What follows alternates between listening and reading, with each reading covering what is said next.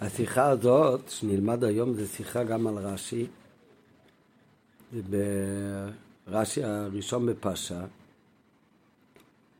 וזו שיחה על החטא מרגלים, מה בדיוק היה חומר החטא של המרגלים, שיש על זה כמה וכמה ביורים, יש גם בלקוטי סיכס, יש כמה מקומות עם אה, ביורים אה, אה, כל פעם באופן אחר קצת.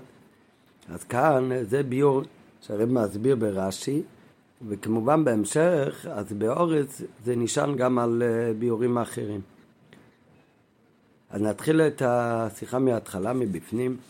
מביא הרבי שבתחילה פרשתנו על התיבות שלח לך נשים פירש רש"י, למה נצמחה פרשת מרגלים לפרשת מרים? הרי בסוף פרשה קודמת, בסוף פרשת בעלותך, מסופר על אה, מרים שדיברה במשה רבינו, ו... נהיה לה צרת, וחיכו לה כל עם ישראל שבע ימים שהייתה מסוגרת מחוץ למחנה. זה סוף פרשה הקודמת. אז על זה מתחיל הרש"י בפרשה שלנו, ששלח לך נושים למה נצמחה פרשת מרגלים לפרשת מרים, לפי שלקתה על עסקי דיברה, דיבה, שדיברה באחיה, ורשעים הללו ראו ולא לקחו מוסר. וצריך להבין כבר נדבר כמה פעמים, גם בשיחה של שבוע שעבר, שמזה שרש"י מבאר את הטעם לסמיכות הפרשיות רק במקומות ספורים, ולא בכל הפרשיות רש"י מתחיל את הפירוש שלו על הפרשה, למה זה נצמח לפרשה הקודמת. אז מזה שרש"י במקומות ספורים כן מביא את הסמיכות העניינים, מה דרשו על זה חז"ל, אז מזה מוכרח שעל דרך הפשט שזה דרכו של רש"י בפירושו לתורה, אין זו קושייה למה הוסמכו פרשיות אלו דווקא זו לזו. ועל אחת כמה וכמה כאשר פרשיות באות על סדר הזמנים, וזה באמת לפי הסדר שדברים קרו זה היה אחד אחרי השני, אז פשיטה שלפי פשוטה של מיקרו לא צריך למצוא הסבר למה נסמכו אחד לשני. הם נסמכו כי באמת בזמן הם קרו אחד קרוב לשני. ואם כן, אינו מובן בנדידן, אז לא מובן כל כך. למה אצלנו רש"י בכלל צריך להתעכב ולשאול למה נסמכה פרשת מרגלים לפרשת סמירה? כי הרי שילוח מרגלים אירע מיד לאחר פרשת מרים, למחרת שבעת ימי ההסגר שהיה למרים. בפרשה הקודמת אנחנו למדנו שבני ישראל היו בהר סיני מלפני מתן תורה מראש חידש סיבן בשנה של יציאת מצרים ושם הם היו, בנו את המשכן בראש חידש ניסן ושם נשארו ליד במדבר סיני עד חפיה. בחפיה זה הפעם הראשונה שבני ישראל נסעו אחרי מתן תורה, שנסעו מסיני. אז זה היה בכפיה, אז הם נסעו. אחר כך בכ"א הגיעו לקברות התאווה. ושם הרי הסיפור שלמדנו בשבוע שעבר, שם הם אכלו בשר לא עשרה ימים, לא עשרים יום, כמו שאומר הפסוק, אלא שלושים יום חודש שלם. אז הם היו שם עד חוף הם, הם כ"א סיוון.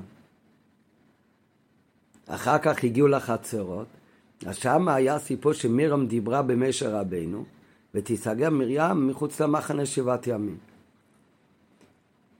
אז מביא הרבה בהערה שמתי זה היה סוף ההסגר של מרים בשבעת ימים, אז זה היה בכ"ח סיוון. אז אם ככה, מתי היה שילוח מרגלים? כתוב, מביא רש"י, הרב מביא מרש"י מתחילת דבורים, שבחוף ט' סיוון נשלחו המרגלים. ככה שהארבעים יום שהם תרו את ארץ ישראל, הרי הסתיים בתשע בוב. אז הלכו המרגלים בכ"ט סיוון, יצאו לדרך. מתי היה היום האחרון של הסגר מרים? זה היה בכ"ח סיוון, יום קודם. זאת אומרת שבאמת בזמן שלח לך הנושם של המרגלים, זה קרה ממש בהמשך לסיפור של מרים. אז אם ככה, מהי השאלה כאן על דרך הפשט? לא מניסמכו פרשת מרים לפרשת מרגלים לפרשת מרים. לכאורה לא צריך על זה שום הסבר. אז זה השאלה שהרבי שואל בעצם פירוש רש"י, למה בכלל רש"י צריך למצוא הסבר לסמיכות? הרי הסמיכות זה קרה ממש צמוד יום אחרי יום לסוף פרשה הקודמת. בעוד בית הרב מדייק בתוך הפירוש רש"י גופי. בפירוש עצמו יש גם כמה שלו. גם צריך להבין כמה דיוקים בלשון רש"י. מה שרש"י מביא שלקתה לעסקי דיבה, והיה לו לומר שהיא לקתה לשון הורה. שזה הלשון של רש"י בעצמו בפרשת שמות, שלקתה מרים על לשון הרע. שם מביא רש"י שמי שמדבר לשון הרע לוקה בצרת, כמו שלקתה מרים על לשון הרע. אז מה זה כאן רש"י לא כותב שמרים לקתה לשון הרע ורשעים הללו לא למדו מוסר, אלא היא לקתה לעסקי דיבה. ויותר מזה, זה לא רק שיש שתי לשונות שאפשר להשתמש בלשון הורל, לשון הרע או דיבה. דיבה זה לאו דווקא בכלל לשון הרע. בפסוק אחר כך, בפסוק אחר כך, מפרש רש"י את המילה דיבה, ואומר רש"י כל הוצאת דיבה לשון חינוך דברים. שהוא מדבר הרבה, חינוך דברים, נכנס לדיבורים. וישנה לטובה וישנה לרעה. באמת בהמשך, בהמשך הפרשה, אז שם כתוב הם הוציאו דיבתם רעה לישראל. זאת אומרת המילה דיבה בעצמה זה לאו דווקא עניין של דיבורו. אומר רש"י ישנו לטובה וישנו לרעה. המילה דיבה כשלעצמו זה חינוך דבורים סך הכל. אז אם כך יוצא שהמילה דיבה, אז זה לא מכריח בכלל שישנו חטא בדבר. ואדרבה, יכול להיות שדיבה זה עניין של טובה. אז היה יותר מתאים שרש"י יגיד שהם ראו שמירם דיברה לשון הרע ולא לקחו מוסר. מה זה שמירם מוציאה דיבה ולא לקחו מוסר? ורש"י לא אומר דיבה רע, רק מילה דיבה. ב' מה מוסיף רש"י? שהיא דיברה באחיה. מה שנוגע כאן הוא הרי רק הצד השווה, שהיא דיברה על עסקי דיבה. דיברה לו שנור על המשר רבינו. היא דיברה על עסקי דיבה, היא לקטה, והרשעים הללו לא רע, לקחו מוסר, וגם כן הוציאו דיבה. זה הרי מה שנוגע כאן. על מי מרים דיברה דיבה, זה הרי לא נוגע לענייננו בכלל. אנחנו יודעים, בסוף פרשה הקודמת, כתוב במפורש שהיא דיברה באחיה במשה. אבל מה זה נוגע כאן לעניין? למה נפקא מיני כל כך במי היא דיברה?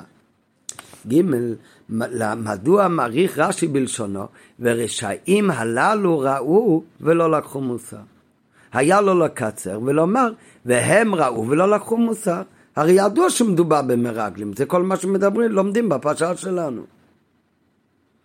הדיוק, מה זה ראו ולא לקחו מוסר, ולא כמו שרש"י מביא במקום אחר, ראו מוסר ולא שמרו.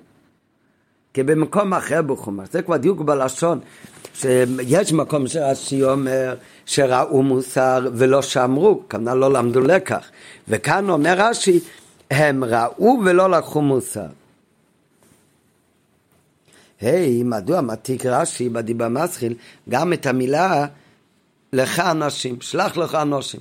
לכאורה, אם מה שרש"י בא לתרץ כאן זה סך הכל צמיחות העניינים, מספיק שיגיד המילה האחרונה שלח. להסביר למה מגיע פרשת שלח בהמשך לסיפור של מרים. המילים לכו אנושים זה הרי לא קשור לסמיכות, לכאורה. היה לו די להעתיק את המילה שלח, כמו שמצינו בפרשה הקודמת, שמענו שבוע שעבר את השיחה.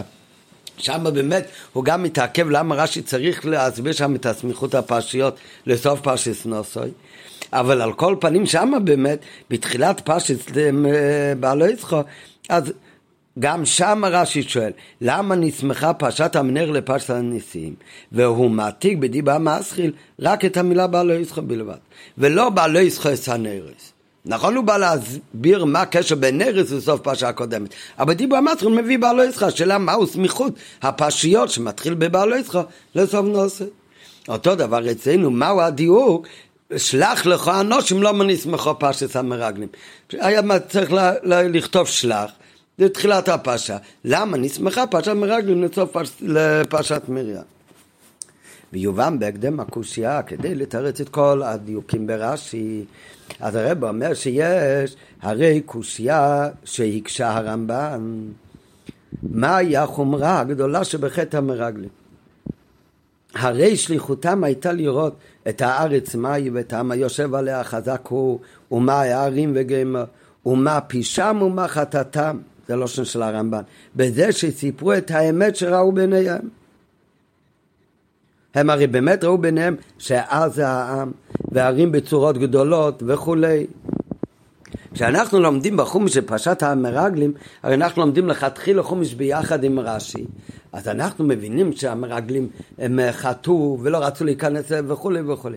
אם קוראים אבל מתחילת הפרשה את הסיפור בפשוט של מיקרו פסוק אחרי פסוק בפירוש מילולי אז בהמשך בסוף נראה גם בהמשך השיחה שם יראו שבאמת שהמרגלים לא התנהגו כראוי אבל בהתחלה של הסיפור כל ההתחלה לא רואים שום עניין של רשעים הללו ושהם הוציאו דיבה סך הכל הם ענו אחד לאחד למה שמשה רבינו אמר להם. משה רבינו אמר להם אתם תלכו לארץ ישראל ואתם צריכים שם לראות אם העיירות הן חזקות או חלשות. אם האנשים שנמצאים שם הם חזקים או חלשים. האם יש שם צדיקים או לא? וגם ציווה להם לקחתם מפרי הארץ ותבואו לכאן. ואחד לאחד המרגלים הקשיבו ועשו כדברי משה הם הלכו והביאו באמת מפרי הארץ, והם אמרו מה הם ראו, שהם באמת היו אנשים חזקים, והעיירות היו באמת ערים בצורות בשמיים. הכל הם אמרו בדיוק כמו שהם ראו. והם קיימו בזה סך הכל אחר את השליחות של משה רבנו, שמשה רבנו הרי שלח אותם כדי לבדוק ולברר את הדברים האלה. אם כבר יש שאלה, אז באמת יש על זה שיחה אחרת, שאיך יהושע בן נון וכל בן יפונה פטרו את עצמם מהשליחות המפורשת של משה רבינו שציווה להביא מפרי אורץ. כי הרי הגמרא שבצייתו עושה את החשבון ורש"י מביא ששמונה לקחו אש כל הנביאים, אחד לקח רימון אחד תאנה, אז זה עשר מרגלים ועוד שתיים, אז שתיים יהושע וכלב לא לקחו כלום. אז נשאלת השם, מה זה מה הם לא לקחו? הרי משה רבינו ציווה להם ולקחתם מפרי אורץ. אז יש על זה ביור, אבל המרגלים סך הכל, בפרט בהתחלה, במה שהם ענו, הם הוציאו, הם דיברו לשון הרע לארץ ישראל, הם סך הכל אמרו, מה שמשה רבנו ביקש מהם לבדוק שם ולראות. ואין לתרץ שהחטא שלהם היה באמירתם שארץ החלץ ישבר, או בכך שהם הוסיפו לתיאור מה שראו גם מסקנה שלא נוכל לעלות כי חזק הוא ממנו, את הפירוש הזה שהרבא כאן שולל עכשיו במקומות אחרים, אז הרבא מביא את זה, הרבא מביא כאן גם בהערה, שזה כתירוץ הריהם. שאומר שבאמת מה שהם אמרו, אז זה באמת היה נכון, אבל המסקנה לא הייתה נכונה. משה רבנו אמר להם, תלכו לראות את האור, את השמנו ימרוזו וכולי. משה רבנו לא ביקש מהם לדעת אם אפשר להיכנס או אי אפשר להיכנס. אז באמת יש מפרשים שאומרים שכל מה שהם חזרו ואמרו זה היה בסדר, בזה עשו את שליחס משה רבנו. במה שהם הגיעו, אבל הם אמרו גם את המסקנה שלהם, שלא ינוח הללו כי חוזק וממנו, כאן התחיל החטא. אבל זה לא מספיק הבירה הזה, שהרי כפי שכתב הרמב"ן, עוד קודם שאמרו דברים אלו כבר התערב כל ויעש כל וסום. ומובן מזה שהדיבורים שקדמו לזה, אפס כי אז העם והערים, זה כבר היה שלי כדבוי. אם אנחנו מסתכלים בפרשה בחלק בחומש, בין שני לשלישי, כשחזרו המרגלים, מה הם סיפרו שהם ראו בארץ ישראל? אז רואים המרגלים דיברו פעם, פעמיים. בהתחלה דיברו המרגלים, והם אמרו ארזום ואורים בצורס גדלס, שזה בפסוק כ"ח. אחר כך אומר הפסוק ויעש קולי וסום, קולי והשתיק אותם. ורש"י אומר שם איך שהוא השתיק אותם, הוא אומר רק את זה עשה משה בנו וכולי וכולי.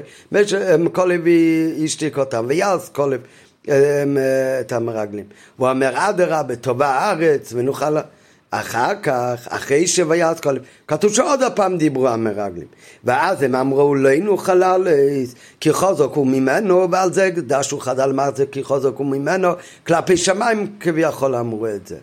אבל לכל זה הם אמרו כבר אחרי שויעש קולב. אז למה היה ויעש קולב? משמע שגם דיבורם הראשון של המרגלים, עוד לפני שהם הגיעו למסקנה ואמרו את המסקנה שלהם, ועוד לפני שהם אמרו כי חוזק הוא ממנו, כבר היה משהו לא בסדר בדיבור שלהם.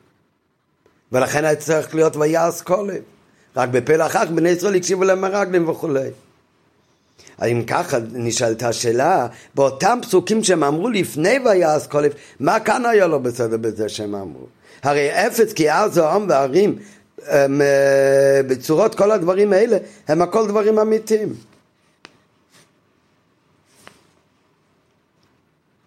יותר מזה, לפי פשוטי של מיקרא, אפילו מה שהם אמרו לנו חלל, אז גם בזה, אז גם אם נגיד שמשה רבינו באמת לא ביקש מהם מסקנות אם אפשר לעלות או לא, הוא ביקש מהם סך הכל לבדוק איך כובשים את הארץ, והם גם הוסיפו מסקנות שלהם, אבל זה שהם הוסיפו מסקנה, אז זה גודל החטא של המרגלים?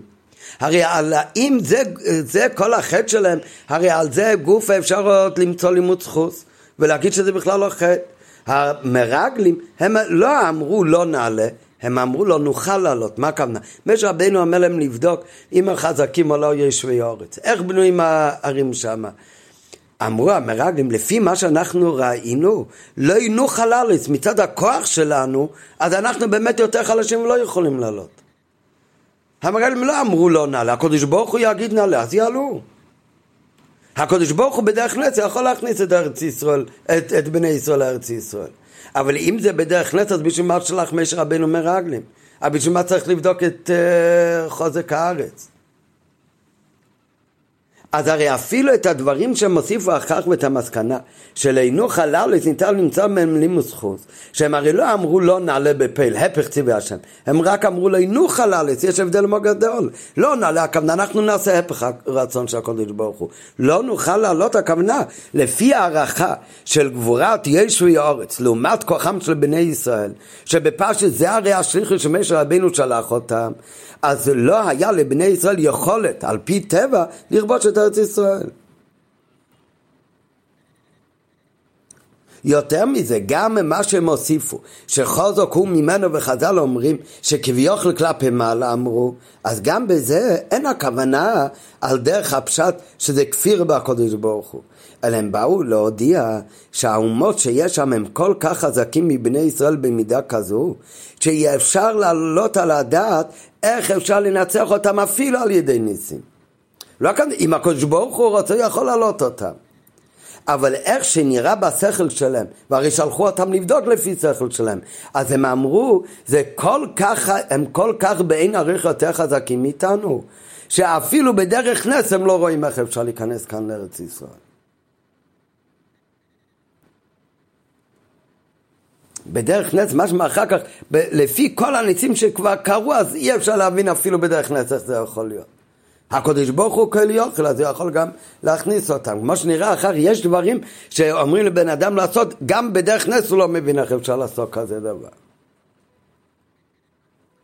ובאמת, זה, את כל מה שאמרנו עכשיו, את זה אפשר להבין גם במה שכל לב גופה ענה למרגלים. כל לב לא אמר שום דבר שהמרגלים אמרו שזה שקר, שהם לא כל כך חזקים, שלא ראו שם את הנפילים. לא, לא, לא יקחי שום דבר ממה שהם אמרו. יותר מזה, אפילו זה שהם אמרו, אמרו לינו חללס, כדיוק שלמדנו מקודם, לא אמרו לא נעלה, לינו חללס מצד הכוח שלנו, גם על זה קולב הסכים. ועובדה, מה אומר להם, מה, מה קולב? אומר קולב, ולכן טענת ומענה קולב היה, לא שניתן לכבוש את ארץ ישראל על פי טבע, הוא גם אמר שהקדוש ברוך הוא יכול לנצח את אומות העולם על ידי ניסים סתם. כי באמת, אם הם כל כך גיבורים על ידי ניסים רגילים, גם יש לנצח בכזאת מלחמה. אלא מה הוא אמר? אלא הלא נעלה, אפילו בשמיים. והוא אומר, עשו סולמות, ועלו שם, גם אז נצליח בכל דבריו. עולי נעלה, אומר רש"י, מה הכוונה? אומרים חז"ל שכל לב אומר, קודש ברוך הוא יגיד, תעשו סולמות ותעלו לשמיים, גם זה צריך להקשיב. ישאלו בן אדם, על פי טבע אתה יכול להעמיד סולם לעלות לשמיים? בוודאי שלא. ובנס אתה כן יכול להעמיד סולם לעלות לשמיים? גם לא, הקדוש ברוך הוא רוצה כל יוכל יכול לעלות אותך לשמיים. אבל לעשות סולם ותגיע לשמיים? וזה אומר כל לב, הקדוש ברוך הוא אומר לו שואלים שאלות. זה דבר שאפילו על ידי נס סתם לא יכול לקרות הרי. אפילו כאשר עלייה לארץ ישראל היא בדוגמת דבר שלא היה מעולם, הכוונה לא היה מעולם אפילו לא בנס, אז בכל זאת אור לנעלה ונעלה גם כן בשמיים. זה מה שכל לבן עליהם. נו, סך הכל, המרגלים הם אמרו לא ינו חלליס, הכוונה היה נכון מצד הקשר שלהם לא ינו חלליס. כי חזקו ממנו הכוונה, גם בדרך נס בפרשת יש לנצח מלחמה. על דרך נס רגיל. ועל זה אומר קוליב, ובכל זאת צריך להקשיב לקודש ברוך הוא. ומכיוון שהמקור... אז קוליב בוודאי צדק, אבל המרגלים, מה היה גודל חטאם? אותם משה רבינו הרי שלח לבדוק לא רק בדרך נס, אדרבה בפשט משמע, על פי טבע איך לכבוש את ארץ ישראל. אם בדרך נס, בפרט אם זה כזה נס שאף פעם עוד לא היה, אבל בשביל מה צריך לבדוק אם החוזק הוא, אם רופא הוא? ומכיוון שהמכוון בשילוח המרגלים היה לברר את גודל כוחם של יושבי הארץ, כדי שעל ידי זה יוכלו בני ישראל להכין את עצמם למלחמה בטבע, ועל פי טבע הייתה הערכת המרגלים שבאמת לא ינוחה לאלס, אז זה היה לשיטתם על כל של המרגלים, היה אמת. אז מה החטא הנורא? בזה שהם ביטאו גם את המסקנה של ההערכה שלהם. גם משה רבנו לא ביקש מהם מסקנה, זה גודל החטא. וקושייה הזו תירץ רש"י, וזה הרי קושי גדול שלומדים את זה בפשוטי של מיקרו. אז איפה רש"י עונה על השאלה הזאת? כדי לתרץ את הקושי הזה, אז על זה אומר רש"י, לא מוניס מכו פשט מרגלים לפשט מרים. זה לא שאלה בפשוטי של מיקרו, זה קרה אחד אחרי השני.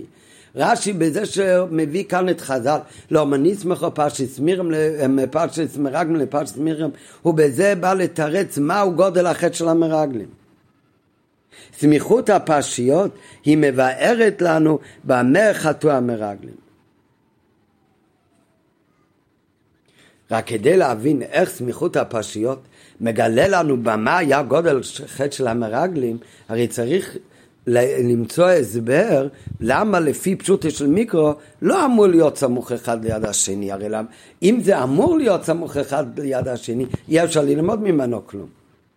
אז כשבפשוטו של מיקרו שואלים לא נסמכו צריך קודם למצוא הסבר שבפרשס לא היה צריך להיות סמוך. רק או גופי, למה באמת לא היה צריך להיות סמוך? בפרשה הקודם, בשבוע שעבר למדנו שזה לא היה צריך להיות סמוך מכיוון שבאמת ציווי של בעלי זכס הנריס נאמר לפני נוסי. זה לא על פי סדר. אבל אצלנו הרי אדרבה, זה הולך בדיוק לפי הסדר. פרשת מירה מסתיים בחוף חסיבן, והפרשת של מרגלים התחיל בחוף תסיבן. אז למה שלא יהיה סמוך? אז על זה מתחיל עכשיו הביור, שבאמת בפשוט השמיקו, על אף שזה קרה יום אחרי יום, יום אחרי יום, עדיין על פי סברה היינו חושבים שהיה צריך להיות דווקא הפסק בין שתי פרשיות האלה. תורה הייתה דווקא צריכה להפסיק ביניהם.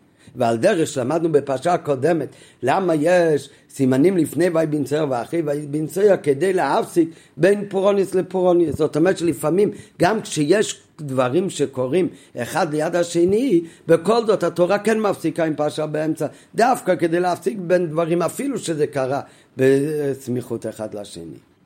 ועל דרך זה מצביע הרבה, היה צריך להיות גם אצלנו. שעל אף שזה קרה אחד ליד השני, הסיפור של מרים לבין סיפור המרגלים. אז היה אבל מן הראוי שבכל זאת יש סיבה שהיה אמור להיות איזשהו הפסק בין שתי הפרשיות שבאמת בכוונה לא נשווה אותם עד הסוף. כי אם לומדים בפשטות אחד ליד השני, אז בן אדם עוד עלול לטעות שהמרגלים היו בדרגה כמו מרים, או מרים כמו המרגלים. והאמת שמרים הרי הייתה צדקת. וגם מה שהיא דיברה, היא לא התכוונה בכלל לרעה. לעומת זאת המרגלים היו רשעים הללו, אז כדי שלא ניתן לחשוב שגם המרגלים היו בדרגה של מרים, אז לכן היו אמורים דווקא להפסיק בין שתי הדברים. כדי שלא נחשוב שהלושן הרע הזה והלושן הרע הזה היה מאותו סוג. ולכן באמת זו שאלה לא מניסמך או פרשת מרגלים לפרשת מרים. שעוד אפשר לחשוב שהמרגלים הם גם היו בדאגה כמו שמירם שהתכוונה רק לטובה. אז למה בכל זאת התורה מסמיכה את שתיהם? הרי מרים אף על פי שגם היא דיברה בהוצאת דיבה וגם המרגלים בהוצאת דיבה אבל בכל זאת היא הרי הייתה צדקת והמרגלים היו רשעים ונענשו בתכלס אז לכן צריך הסבר למה בכל זאת התורה מסמיכה את שתיהם ביחד. וזה מה שרש"י בא להגיד, לא מניסמכו פרשת מרגלים לפרשת מירם. ולפי זה גם יהיה מובן את גודל החטא של המרגלים. ואביר בזה בעוד ד' תם השאלה של רש"י לא מנסמכו על ששילוח המרגלים יראה מיד אחרי פרשת מרים. כי על פי פשוטי של מיקרו יש צורך לפעמים להפסיק בין שתי פרשיות גם במקום שעל פי סדר הזמנים היו פרשיות צריכות להיכתב בסמיכות זו לזו. וכמו שאמרנו בפרשה הקודמת ברש"י, ויהי בנשא האורן ולא מה נכתב כאן, כדי להפסיק בין פורעניות לפורעניות. אז לכן יש פרשה שויהי בנציה באמצע. ועל דרך זה בענייננו, כשלומדים שתי פרשיות פרשת מירם או פרשת מרגלים, ולומדים את זה אחד אחרי השני בצמוד, ובשתי מדברים אודות עניין של לשון הרע, אפשר להיכשל בטעות חמורה. ולהעלות על הדעת שמירם והמרגלים היו שווים בדרגתם. חס ושלום, או שהיו על כל פנים דומים וסמוכים זה לזה בתוכן שלהם. ואף שנקרא לכולם את החילוק מן הקוצה לקוצה, איך בכלל יכול להיות מקום לטעות? הרי כל אחד שקורא את הפרשיות הוא רואה מיד שאצל מרים אפילו שדיברה לו שנו רמאי התוצאה שכיבדו אותו כל עם ישראל וחיכו לו שבע ימים לעומת זאת, מהי התוצאה של הסיפור של המרגלים? עונש חמור גם להם וגם לכל עם ישראל למשך 40 שנה. אז איך אפשר לטעות, לחשוב שהם שתיהם באותו מדרגה? אז היינו יכולים לחשוב שכה, שההבדל בעונש הוא לא בגלל חומרת האיסור ששתיהם עשו. אולי היינו יכולים לחשוב שהם היו חס וחלילה באותו דרגה. היי, למה אם ככה, כאן זה עונש קל ועוד כבוד והתעכב לו כל העם ישראל שבע ימים. וכאן זה עונש חמור בתכלית, זה בגלל התוצאה של הלושן אורש שלהם. אצל מי התוצאה זה לא הזיק לאף אחד. אצל המרגלים התוצאה הרי המריד את כל עם ישראל שלא ירצו להיכנס לארץ ישראל עד לנעשים עלינו ראש ונשובו מצרימה. בגלל שהתוצאה כאן הייתה חמורה בהרבה יותר לעומת התוצאה שקרה בימיהם. אז לכן יש גם הבדל מאוד גדול בעונש. אבל מצד החטא עצמו היינו עוד עלולים באמת לחשוב ששתיהם הם כתובים בסמיכות אחד לשני. שתיהם דיברו שלום ששתיהם היו בעשר דאגות ועד שנקרא לכל החילוק מן הקצה לקצה בין תוצאות החטא, במרים גם לאחר ותיסגר מרים.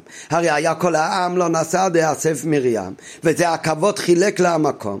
מה שאין כן המרגלים, וימותו במגפה, וכל הדור יפלו במדבר. ונוסף לכל זה בנחם ירואים במדבר ארבעים שנה. אבל עדיין היה מקום לומר שזה לא בגלל שהמרגלים היו רשעים יותר ממירם, אלא משום שעל ידי זה שלא היו זהירים בדובורם, נכשלו כל בני ישראל במריד בהשם ובהד הרצון לעלות לארץ ישראל, מה שאין כן במרים שהלשון הרע שלו היה עניין פרטי בלבד.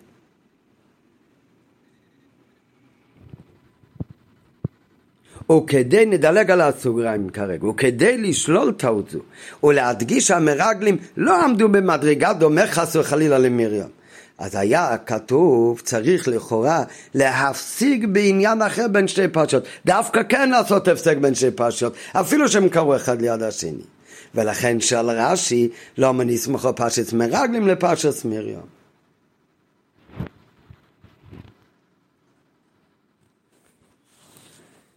על פי זה מובן גם כן עכשיו יותר למה רש"י בדיבה מסחיל באמת מעתיק גם את המילים לא רק שלח אלא לכו אנושים. שהרי לכו אנושים אומר רש"י שכל מוקים שהם אנושים זה לשון חשיבות. אז מהלשון שלח לכו אנושים יש עוד יותר מקום הרי לחשוב שיש דמיין בחטא של המרגלים לעומת הדרגה שהיה אצל מירם.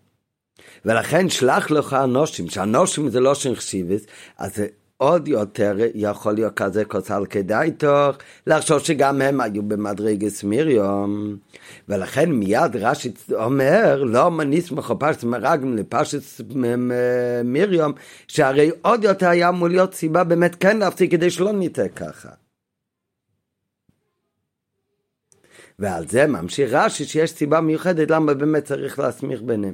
כי בזה מודגש את גודל החטא באמת של המרגלים, כמה הם היו רשעים. ובאמת לא היו בדאגה של מירם. מה שכתוב כולם אנושים, אז זה כמו שכתוב במקום אחר שבאיזה שוק שירים היו. אז זה מה שאומר בסוגריים, ולכן תגרשי במסחל גם את המילים לך אנושים, שהרי זה מחזק עוד יותר את האפשרות לטעות שהמרגלים היו בשווה ועל כל פנים בדומה למרים. מאחר שמהרגלים נשלחו לכל לדייתכו, לדייתכו של מישה, לשליחות שכרוכה באחריות כל כך גדולה, הרי זה מורה על כך שהיה להם מעלות עליונות ביותר, ולא מעלות סתם, אלא מעלות שקשורים לעניין השליחס בפרט, עד כדי כך שהתורה מכנה אותם אנשים, דהיינו כפירש רש"י, לשון חשיבו כשרים היו. אז גם המילה לכו וגם המילה אנושים, שתיהם נותנים עוד יותר מקום לטעות שהם היו בעצי דאגה. ולכן כדי לשלול טעות זו להדגיש שהמרגלים לא עמדו בדאגי מלכת ושולם, היה כתוב צריך לכאורה להפסיק בעניין אחר בין שאר הפרשיות. ולכן שואל באמת רש"י, לא מניץ מחבר מרגלים לפרס מרים. ועל זה מגיע הביור, ועל זה תירץ רש"י באות ו', לפי שלקתה על עסקי דיבו. ורשעים הללו ראו ולא לקחו מוסר. התורה הסמיכה את שתי פרשיות הללו כדי ללמדנו עניין בגודל חטא המרגלים. עניין נוסף בגודל חטא המרגלים. למה נוסף? כי כמו שאמרנו מקודם, שבפשוטי של מיקרו, הרי בכלל לא מבינים כל כך את גודל חטא המרגלים. ובנוסף לזה, מתווסף בחומרס החטא, כמו שנראה בהמשך, מזה שהם ראו וללא חומוסו. שעל ידו יובן על דרך הפשט גודל עונשם. והוא, מה הגודל החטא של המרגלים? לא רק עצם עניין שהם הוציאו דיבה, אלא החטא מתחזק בזה שהיה להם זה עתה. הרגע היה עניין שממנו היו אמורים ללמוד אירוע למעשה מוסר. והיה להם זה עתה בסמיכות, שעת כושר לקחת מוסר מאיזה אירוע, מהאירוע של מייסה מירם, שזה עתה יסתיים כמו שאמרנו מקודם, ששילוח המרגלים קרה יום אחד צמוד ואחרי שנסתיימו שבעת ימי ההסקר של מירם, והיה להם עכשיו אפשרות ללמוד ממירם כמה צריך להיזהר בהוצאת דיבה, והם לא לקחו מוסר. אז זה עצמו כבר מגדיל את גודל החטא שלהם. המוסר היה באופן כזה שלא היה צריך ללמוד על ידי העמקה והתבוננות במה שהם ראו. כי אם היו צריכים רק לקחת אל ליבם את מה שכולם ראו רק הרגע. אלא שמזה שהמרגלים נדרשו לקחת מוסר ממעשי מרים מוכח, שהחטא באמת היה גם כן באותו סוג. ומטעם זה היה אפשר לקחת מוסר וללמוד את שלילת חטא המרגלים לשלילת חטא המרים.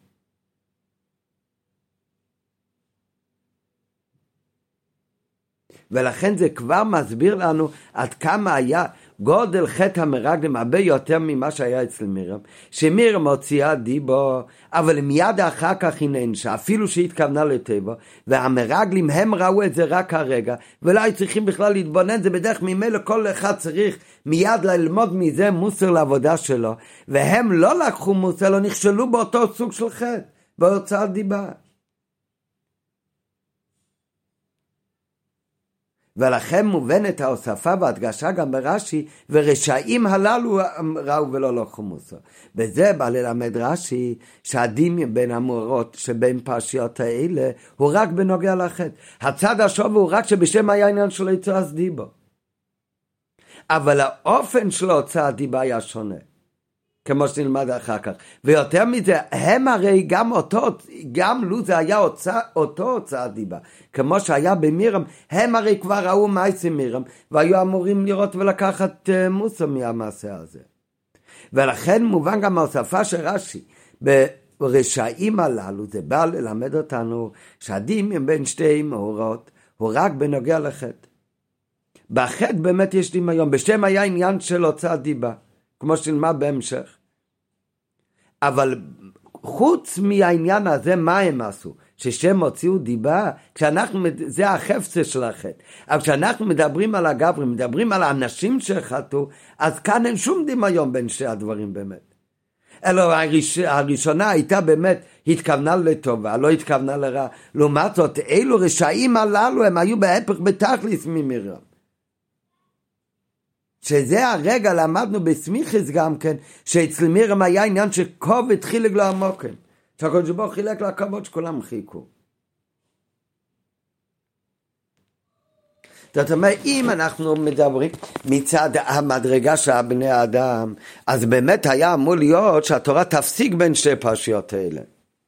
התורה אבל מסמיכה את שתי פרשיות האלה, כי בעניין החטא באמת כן היה דמיון. ואף על פי שבעניין החטא היה דמיון, שאצל שם היה עניין של הוצאת דיבה, כמו שנראה אחר כך, מה היה בדיוק הוצאת דיבה של מירם ומה העניין של הוצאת דיבה שהיה אצל המרגלים. אז היצוע דיבו זה שתי דברים שהיו שווים. מצד הגברי, מצד הדאגה של האנשים בכלל לא היו שווים.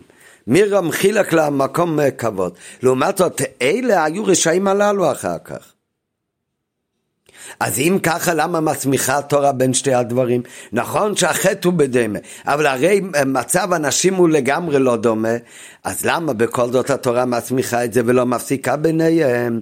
כי התורה בזה רוצה להגיד לי עוד עניין, שהחטא היה כן הרי מיועסי יויפן, אז זה מגדיל עוד יותר את החטא של המרגלים, שהרגע רק יסיים הסיפור של מרים, והם ראו ולא ילוכו מוסר, אז זה עוד יותר מדגיל את רשותם של המרגלים.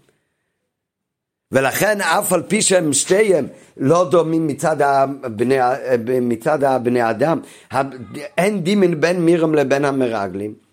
ומצד, הסבר, ומצד זה היה סברה לומר שהתורה אמורה להפסיק באמצע עם עניין אחר שלא נשווה ביניהם בכל זאת התורה לא מפסיקה בעניין אחר כדי להראות לנו שהרשעים הללו היו אמורים לקחת מוסר ולא לקחו מוסר ולכן התורה מש, מסמיכה את זה. כי החטא הרי היה דומה, ובכל זאת הם לא למדו מוסר, זה מגדיל עוד יותר את החטא של המרגלים.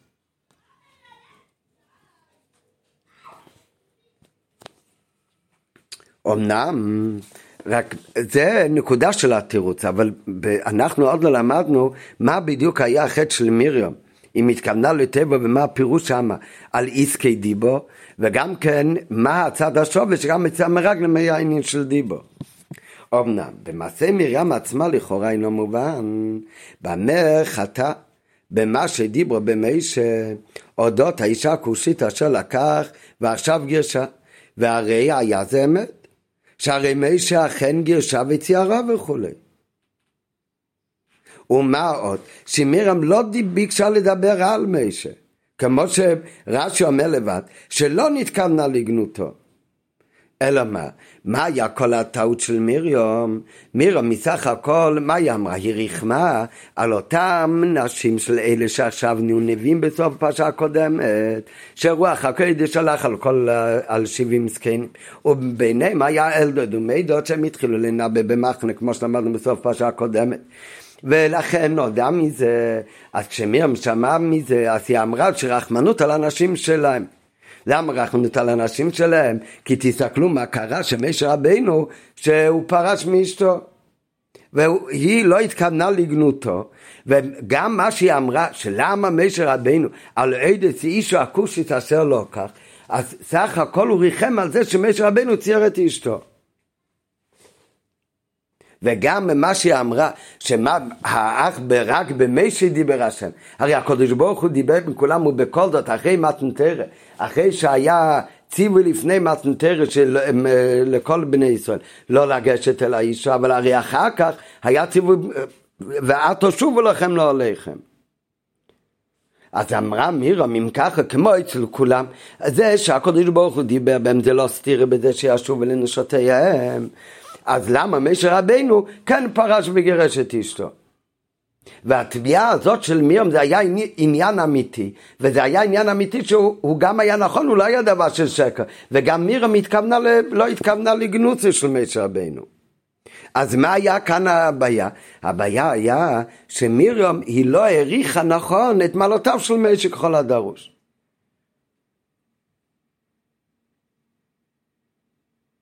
והיא סברה שמשה לא היה צריך לפרוש מן האישה.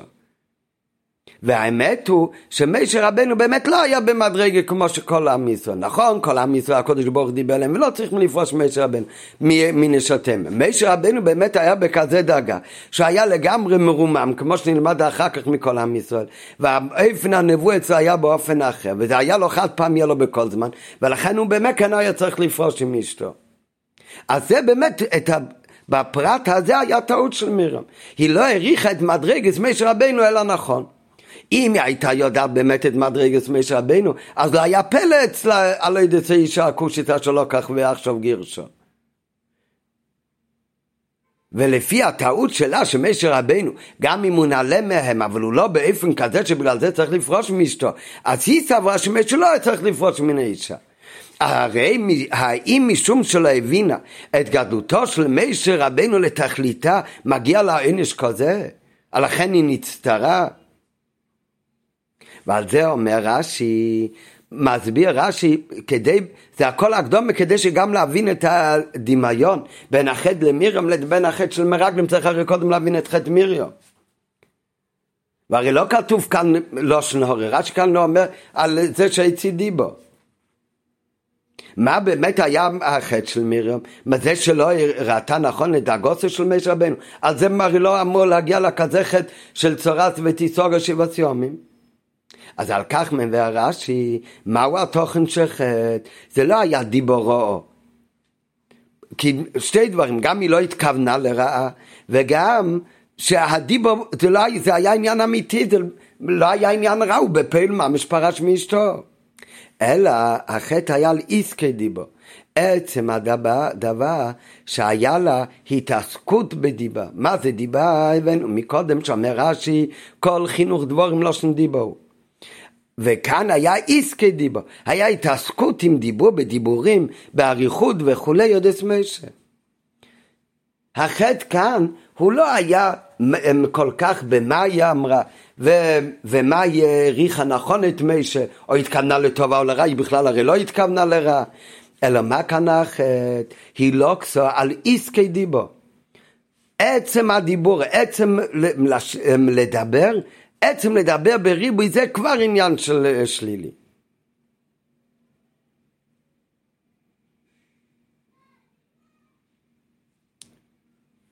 מה זאת אומרת? זה מיד ממשיך ומסביר. כאשר מרים ראתה אצל מרים, הנהגה שלא הבינו, אז לא היה לה לדבר על כך. ומה עוד? בהתעסקות, ואף שאמרה רק אמת, ויתרה מזו, שלא נתכוונה לגנותו כנ"ל, עצם ההתעסקות בדיבור, אודות משה, לא מביאה לדיב... לדיבה לטובה. לדבר טוב זה לא יביא. ויתרה מזו, זה עלול גם להביא לידי דיבור בהופכו. ואם כדי להבין את הנוגס מיישה, ואם באמת היה אכפת לה שהיא לא מבינה למה משה רבנו נראה ככה, אז הייתה צריכה לשאול את משה רבנו בעצמו, בתורת שאלה ובחשוי, עצם הדבר, מה היא הולכת לדבר אפילו עם ארן, מה היא הולכת לדבר, משה רבנו עזב את אשתו, לא עזב את אשתו, עצם הדבר בלי קשר אם זה לטבע התכוונה או לא התכוונה לטובה, עצם הדיבור הזה שהוא לא נוגע, והיא התעסקה בדיבור הזה, אז זה עצמו עניין שלילי, וזה הכוונה איסקי דיבור. ועל דרך זה גם היה חטא של המרגלים, כמו שאמרנו, אחר כך כבר במרגלים, אז בהמשך הדיבור היה גם כן לא נוכל אה, לעלות, שגם זה הרי אמר מקודם שבפשוטי של מיקרו, לאו דווקא שזה היה בעניין של כפירה, היה בזה אבל תוצאה שהמרידו כולם נגד הקודש ברוך הוא, והמרידו את כולם שלא ירצו לעלות, זה היה כבר תוצאה, בדיבור שלהם בזה עצמו, אז גם כן לאו דווקא שזה עניין של... Uh, של כפירה, אבל יתרה מזו, הרי למדנו מקודם, שהוויעש קולב, קולב הוא השתיק אותם עוד לפני, כשהם סך הכל דיברו את הדברים האמיתיים בלי מסקנה. שהם אמרו אז האום, וראינו גם את בני הענקים, אלא מה היה החטא של המרגלים? גם שם כשהם חזרו, היה עניין שהוציאו דיבה, עוד לפני דיבורו. עצם, את אותו דבר תלוי איך אומרים ובאיזה כמות ובאיזה אופן אומרים. הם חזרו ובהתלהבות יתרה התחילו לדבר עד כמה חזקים וגיבורים ומפחידים אנשים בארץ ישראל. אז הריבוי דיבור הזה, האיסקי דיבור הזה, זה הרי לא יביא לשום תועלת. הם צריכים לעזוב ולהגיד, הפירות של הארץ הן טובות, הארץ טובה וחזקה. אזום וכל ההפחדות האלה וכל הריבוי דבורים, זה היה מיותר. ואם לשיטו סום זה יכול להיות בעיה איך ייכנסו לארץ ולכן צריך להיות ערוכים לזה. הרי משה רבנו שלח אותם על פי תראה לבדוק איך על פי טבע. אז אחרי שמודיעים לכל עם ישראל עד כמה שהארץ היא ארץ חזקה בטבע וזה פיריו אז אחר כך ילכו למשה רבנו ויגידו למשה רבנו שיש כאן בעיה על פי טבע איך אנחנו הולכים להילחם נגדם אבל כל ההתעסקות בריבוי דבורים ובהפחדות היתרות שהם דיברו לכל העם זה עצמו כבר היה עניין של יצועס דיבו וזה אותו יצועס דיבו שהיו צריכים ללמוד ממירם שעשו. והראשונים הללו הם ראו מה היה רק רגע לפני uh, בסיפור של מירם. והם לא לקחו מוסר אז על זה נעשה גודל העונש וגודל החטא שלהם ומעין זה גם היה חטא של המרגלים. הם לא דיברו שקרים על ארץ ישראל, אבל הדיבור שלהם היה באופן של איסקי דיבור. הם העריכו כל כך בדיבורם, והרחיבו פיהם אודות גבורתם של ישוי הארץ, עד שהביאו את בני ישראל לבעלה מפני עצם הרצון לעלות לארץ ישראל. אם היה להם תמיהה איך מצווה הקדוש ברוך הוא לעלות לארץ ישראל בשעה שכוחם שיש ארץ כל כך גדול, היה להם לדבר בקיצור או בפשוט לשאול על כך את משה. אולם ההתעסקות איסקי דיבו והדיבו בפירוט על גבורתם של ישבי האורץ עד לביטוי המסקנה שלא נוכל לעלות תוצאתם האפשרית היחידה מה יכול לצאת מכזה דיבה מכזה ריבוי דבורים, אפילו אם לא אמרו שקרים ודברים רעים, מכזה דיבור דברים טובים לא יצאו. האפשרות היחידה שיכול להיות תוצאה מהדבר הזה, זה להביא את בני ישראל לידי מרידה עד שהם אמרו ניתנו רשע ונשובו מצרימה.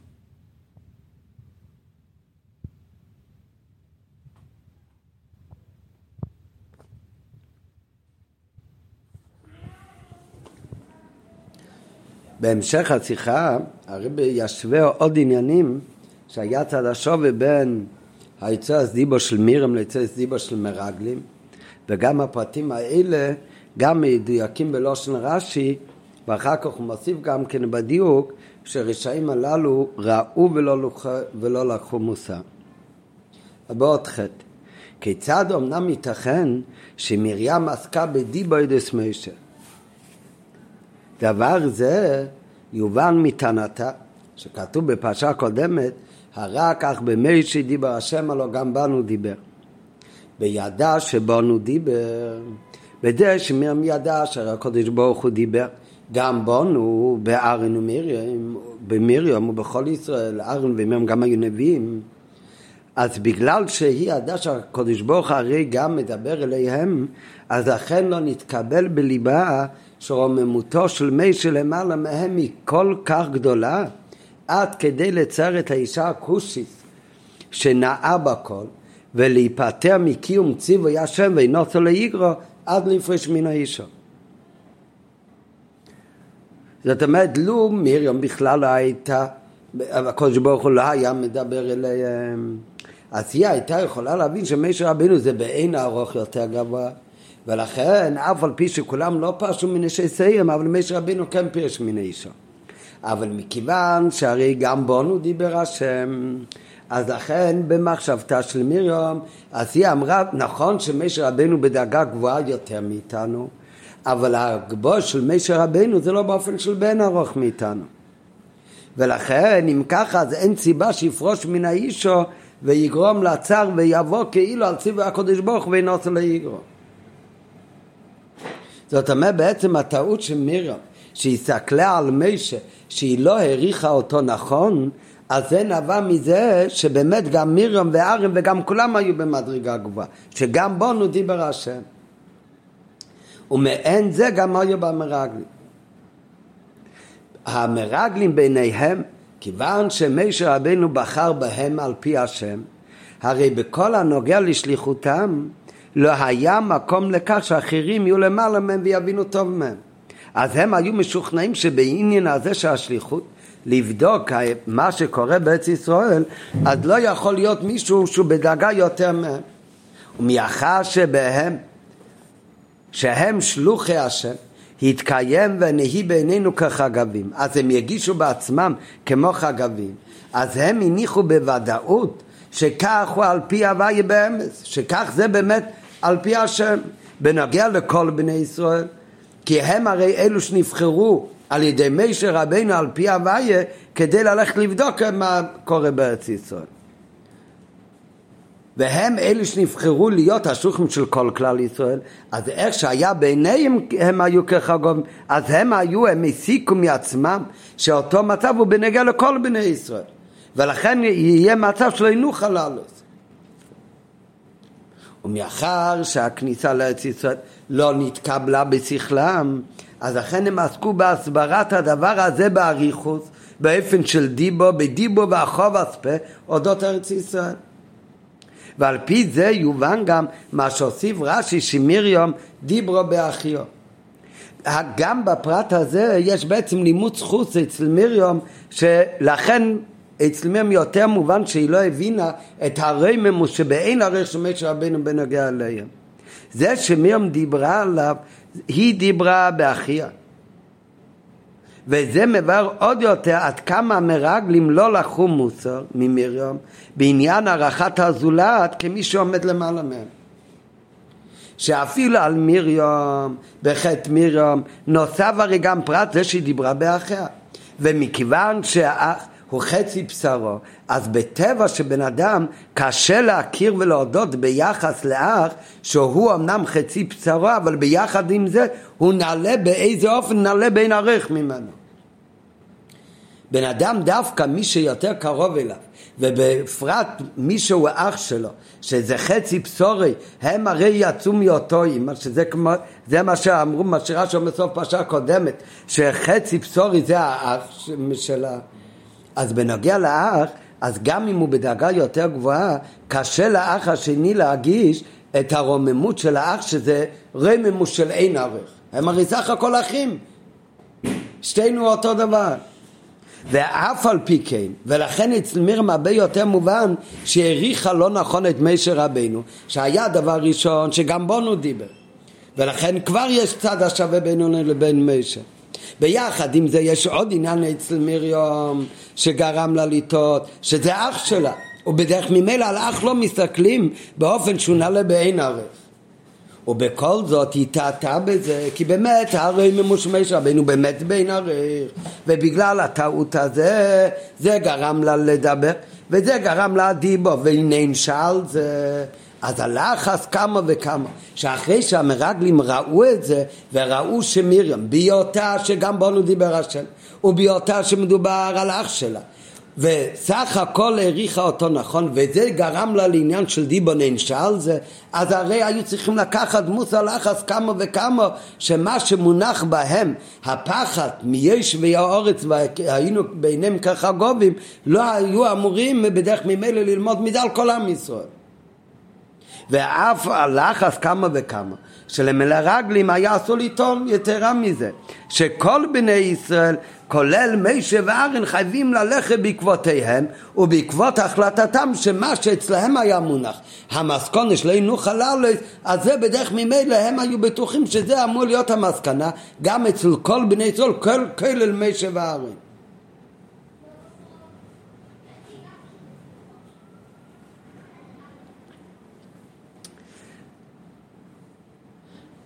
עוד דיוק ישנו בפירוש רש"י, שרש"י אומר רשעים הללו ראו ולא לקחו מוסר. ולכאורה המילה ראו מיותרת. מה זאת אומרת הם ראו את המעשה של מרים? היה צריך להגיד, היה מעשה מרים, ושהם הללו לא לקחו מוסר. אלא יובן בהקדם דבר תמיהה בכללות סיפור המרגלים. למדנו מקודם, כבר באריכות, שבאמת אין דמיון, יש דמיון בחטא של מירם והמרגלים ששם זה היה עניין של דיבור. עצם הדיבור ב, בריבוי ועצם ההפחדה. אבל מצד האנשים, אז זה באמת לגמרי לא אותו דבר. מרים הייתה באמת לטבע נזכרנו, ולכן באמת מרים חילק לו עמוק עם כבוד כתוצאה מזה. לעומת זאת המרגלים זה לא רק בתוצאה היה בזה עניין שירידה, אלא גם הם בעצמם, ביצועס דיבו שלהם, רש"י קורא להם וראשויים הלולו ראו ולילוקחו מוסר. השאלה איפה, מתי בדיוק המרגלים הפכו להיות ראשויים הלולו? הרי בהתחלה שמי שבחר בהם, אז הוא בחר בניסים, הוא בחר בהכי מתאימים באמת. וכולם אנושים, כמו שלמדנו גם מקודם בשיחה כאן, אז לא שהחשיבו באיזו שהקשרים היו. עד איזה רגע הם היו קשרים היו? באיזו שוק קשרים היו? היה ברגע שמשה רבינו בחר בהם ורגע אחר כך הם הפכו לרשעים? זה הרי קשה לומר. בפשוט של מיקרו יותר מסתבר לומר הרב מביא גם בהערות, אבל בפשטות יותר מסתבר לומר שמשהו קרה כשהם הגיעו לארץ ישראל. בעץ השור כשרים היו, לא הכוונה בעץ השור, הכוונה באותו רגע רק שבחר בהם, אלא בעץ השור זה הכוונה כשמש רבנו בחר בהם, ושהם הלכו עד שהם התחילו לרגל את ארץ ישראל כשהיו בתוך ארץ ישראל. מה קרה שמה? מה שקרה שם זה אף על פי שגם עד עכשיו ידעו שיש לי אורץ הם אנשים גיבורים וענקים והכל כי הרי בטוח שגם במצרים ידעו מה קורה בארץ כנען. וכמו בשירת הים כשהם אמרו שירו הם אמרו נמגו כל ישוי כנען. הסימן שהם ידעו שישוי כנען זה גבור מיוחדת. אבל מה? אין עודי משמיע לריה. כל זמן שהם שמעו את זה, וידעו שלהם יש ציווי והבטוח להיכנס לארץ ישראל, אמרו הם באמת גיבורים, ושמרו מהגבול שלהם, אבל אנחנו נצליח לכבוש אותם. כשהם הגיעו לארץ ישראל, ושם הם ראו את הגיבורים, וראו את אורים בצוץ בשמיים, באותו רגע אין עדי משמיר לרי, הם ראו את זה בעיניהם, נפל עליהם פחד גדול. ובגלל הפחד הם באמת הגיעו למסקנה שעל פי טבע, אפילו בנסר באופן רגיל, אז לא ינוחה לאלס. ועל זה מוסיף רש"י, רשעים הללו רוב ולא ילקחו מוסר. האריה שהם ראו את הסיפור של, מי של מרים זה גם עניין של די נדי שמי אריה. הראייה הזאת שראו מה שקורה ביצוע הסדיבו של מרים אף על פי שלטבע הסכבנו ואצל מרים שגם בונו דיבר השם וגם ואצל מרים שהיא הייתה אח של משה רבנו שזה הכל בעצם נותן לנו יותר להבין שהיא לא העריכה נכון את משה רבנו ולא הסתכלה עליו ברמימוס, באין עריך מכל עם ישראל. ובכל זאת בגלל הטעות הזה שהעריכה אותו לא נכון זה גרם לה עניין של דיבו של ריבוי דבורים שלא היה אמור להיות ובכל זאת הנה נשאר אז הם ראו את זה, אז זה היה אמור לבטל להם את מה שהאריה בארץ ישראל, הגבור נוטל עליהם פחד, זה היה, אבל האריה הזאת הייתה אמורה לבטל את זה ולתת להם את ההבנה להבין שאף על פי שראו את הגיבורים בארץ ישראל וכולי וכולי, אז עדיין לא היו צריכים לחזור באופן של דיבו על הארץ.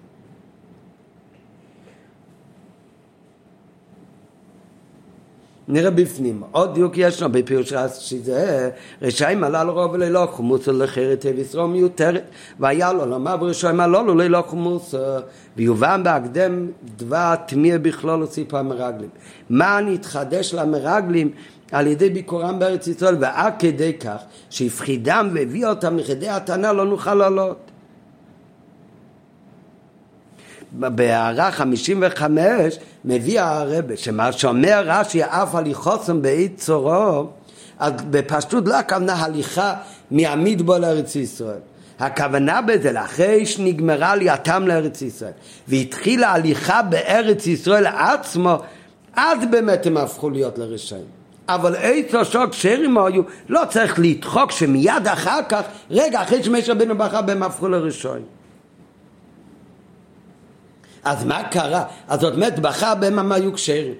והם היו כשרים כל, בפרשת, כל הליכוסם לעלייה לארץ ישראל. כשהגיעו לארץ ישראל והתחילו ללכת לבדוק ולחקור את ארץ ישראל, אז הם הפכו לראשון. מה קרה?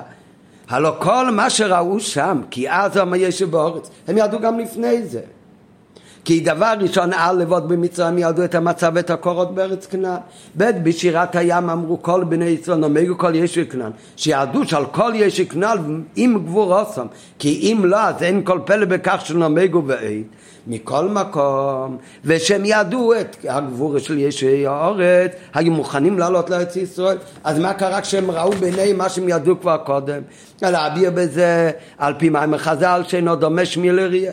כל זמן שידעו על גבורוסם של ישו האורץ זה בדרך שמיה בלבד, זה לא מתפלאים כל כך מהקשים, והיו מוכנים לעלות לארץ ישראל, כאשר ראו בעיניהם ממש כמה הזעם, זה פועל עליהם שיתחרטו ויחזרו בהם מהסכמתם הקודמת. ולכן הדגישו המרגלים גם כל בדיבו שדיברו בריבוי הם כמה פעמים הדגישו ראינו את ישי אורץ היינו שראו בעצמם את אשר סיפרו וכן ויראו מפרי אורץ ולכן הם גם יראו שכל בני ישראל יראו את פרי, פרי אורץ בעיניים שלהם ואמרו כמו שאתם רואים שזה משונה כך גם ישבי המשונה. ולכן הוא צריך רש"י להדגיש ורשעים הללו ראו חולי שגם המוסר גם היה באופן שראו, שבעיניהם ראו מה שקרה למרים, ולכן הדבר צריך לתת להם את אותו תקף גם לעמוד בניסויין מול מה שיהיה ראינו בארץ כנען. אם היה עונשה של מרים בעל ידיעתם רק בדרך שמיעה ולא באופן של ראייה, אז לא היה אפשר לטעון כלפי המרגלים כל כך שעוצם החטא שלהם הוא לא כל כך במה ש... שהם אמרו, כי כמו שלמדנו מקודם היה אמת, אלא בעצם הוצאת דיבה שדיברו בריבוי וכולי וכולי, ש... כי הם, עוצם החטא הוא כי הם לא למדו ממרים. כי באמת יש סיבה למה הם לא למדו ממרים, כי מה שהם שמעו ממרים זה בדרך שמיע. את הפחד שנפל עליהם כשראו את ארץ ישראל זה מה שהם ראו בעיניים שאין יודעים משמיע לראייה. אבל מכיוון שגם את מעשים ראו, אז ראו ולא ילקחו מוסר. בגלל שראו זה היה אמור לתת להם את התקף, גם כן לבטל את הפחד שהם יראו את ישי אורץ. כי הסיבה שהביא אותם לידי חטא הייתה בראייה. אז גם הנשיא נזכך להימנע מלאכתו היה רק בשמיע, ולכן הדגיש רש"י שזה לא ככה. הם ראו, היה להם גם ניסי נזכר, שלי לחטי, גם היה באופן שריע. ואף על פי כן ללא חומוסים.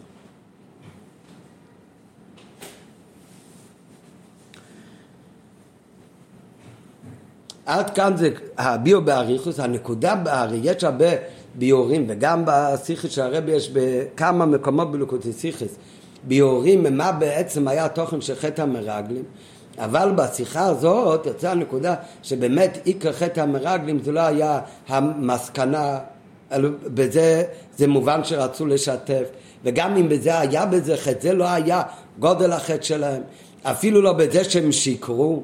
רב מביא בהערה שזה באמת קצת צורכיון שרש"י אומר שהם התחילו להגיד והאורץ שהיינו הארץ טובה וארץ את כל ודבש אומר רש"י שם אמרו את הדבר אמת כי כל שקר שלא מערבבים בזה אמת אז זה לא יכול לעמוד השקר ולכן צורכיון כי גם המשך הדברים של המרגלים גם כי אז וגם שהעיירות הן חזקות כל הדברים האלה בכלל לא שקר הכל הוא דברי אמס לכאורה אבל פשוט מה שהמרגלים אמרו זה אמת. גם המסקנה שלהם, אז הם הבינו שמתבקש מהם גם להגיד את המסקנה. ככה שהכל היה בעצם, הלכו לפי השליחות. אז איפה מתבטא החטא? אז על זה, הביאו כאן זה, עיקר החטא זה מה שהם לא לקחו מוסו וללמוד ממאייסי מרים. מה הם היו אמורים ללמוד ממאייסי מרים? ממאייסי מרים היו אמורים ללמוד שעצם דיבו בריבוי שגם אם אתה לא מדבר שקר, אלא דברי אמס, לפעמים זה עצמו יכול לגרום לעניין אה, תוצאה לא רצויה. ולכן היו צריכים לא להיזהר בעניין של הוצאת דיבה.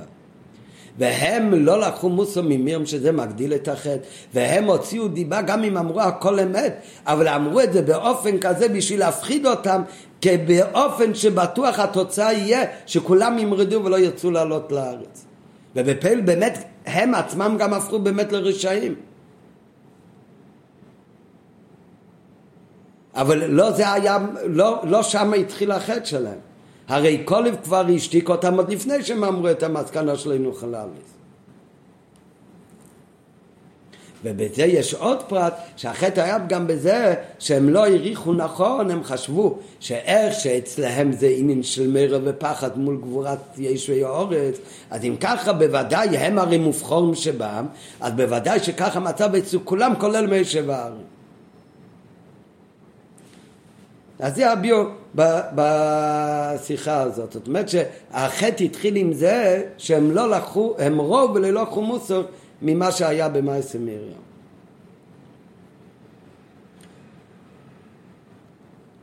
עכשיו בסוף של השיחה,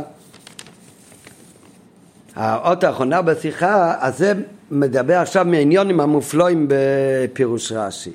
אז נגיד קודם בעל פה, אחר כך נראה, נראה, נראה בפנים. למדנו בתחילת השיחה שלמה רש"י שואל לא מניסמכו פרשת מרגם לפרשת מiriום, שילוח מרגם לפרשת מiriום, לכאורה מה זה לא מניסמכו? זה הרי היה אחד אחרי השני. אז למדנו בתחילת השיחה באריכות שיש כאן סברה גדולה לומר שאפילו שזה היה בסמיכות אז התורה הייתה אמורה דווקא להפסיק באמצע בעניין אחר. למה התורה הייתה אמורה דווקא להפסיק בעניין אחר? כדי שלא יהיה אצלנו טעות לחשוב שמירום והמרגלים היו בעשר מדרגו. כי הרי מיריום ומרגלים זה היה נראה דומה החטא שלהם, אז אפשר עוד לטעות שגם המרגלים היו במדרגת מיריום. אז כדי לשלול כזאת סברה, אז היה אמור להיות דווקא הם, אה, משהו אחר באמצע שיפסיק בין שתי הפרשיות. ועל זה עונה רש"י, אז למה בכל זאת נסמכו שתי פרשיות האלה? בכל זאת נסמכו שתי פרשיות האלה כדי לה, לה, להסביר לנו את גודל החטא של המרגלים שהיו אמורים ללמוד ממירם ולא למדו, כמו שלמדנו באריכוס בשיחה. אבל נשאלת עדיין השאלה סוף סוף, נכון שמהסמיכוס אפשר לדעת שהמרגלים היו אמורים ללמוד מוסר ולא, למד, ולא למדו מוסר. אז זה באמת מה שאני יכול ללמוד מהסמיכוס. אבל עדיין הרי יש גם כן חיסרון שעל ידי הסמיכוס עלולים באמת אולי לבוא לטעות ולחשוב שהמרגלים היו במדרגה כמו, כמו מירם. הפוך שמירם היא במדרגה חס וחלילה כמו המרגלים. אז הרי עדיין מצד זה אולי באמת עדיף שבאמת לא יהיה כתוב אחד סמוך לשני.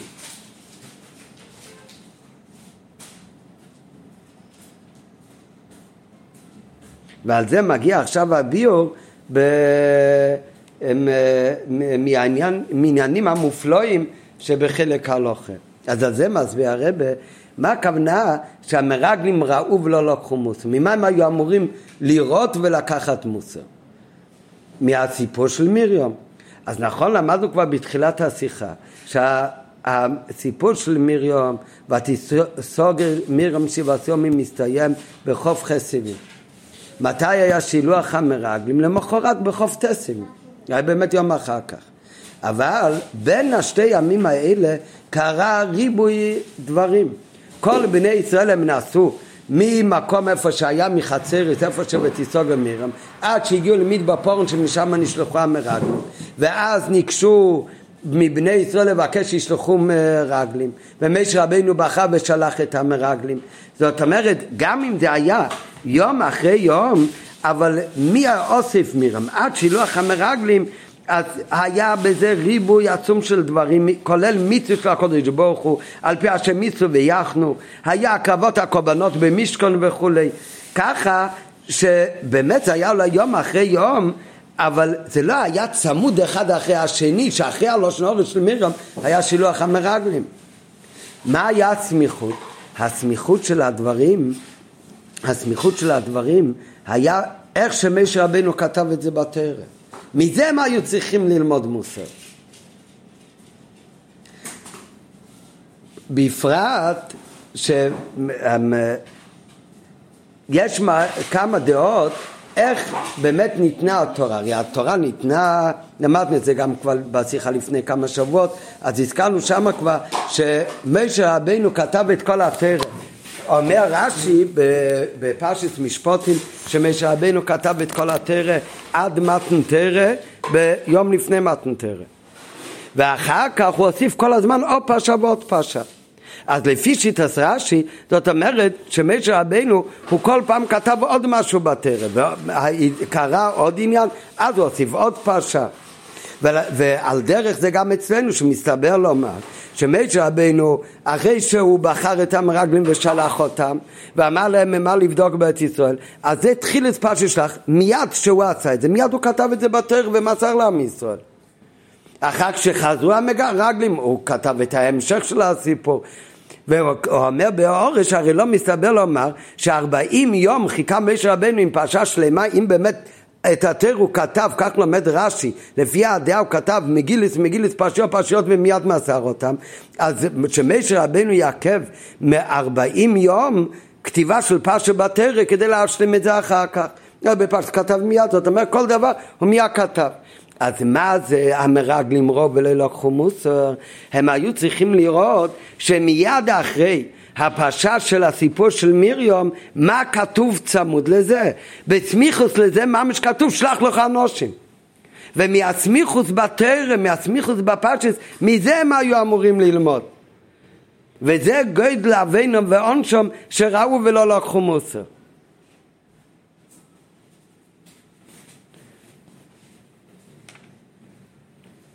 נראה בפנים עכשיו, באות ט', סליחה, זה ב...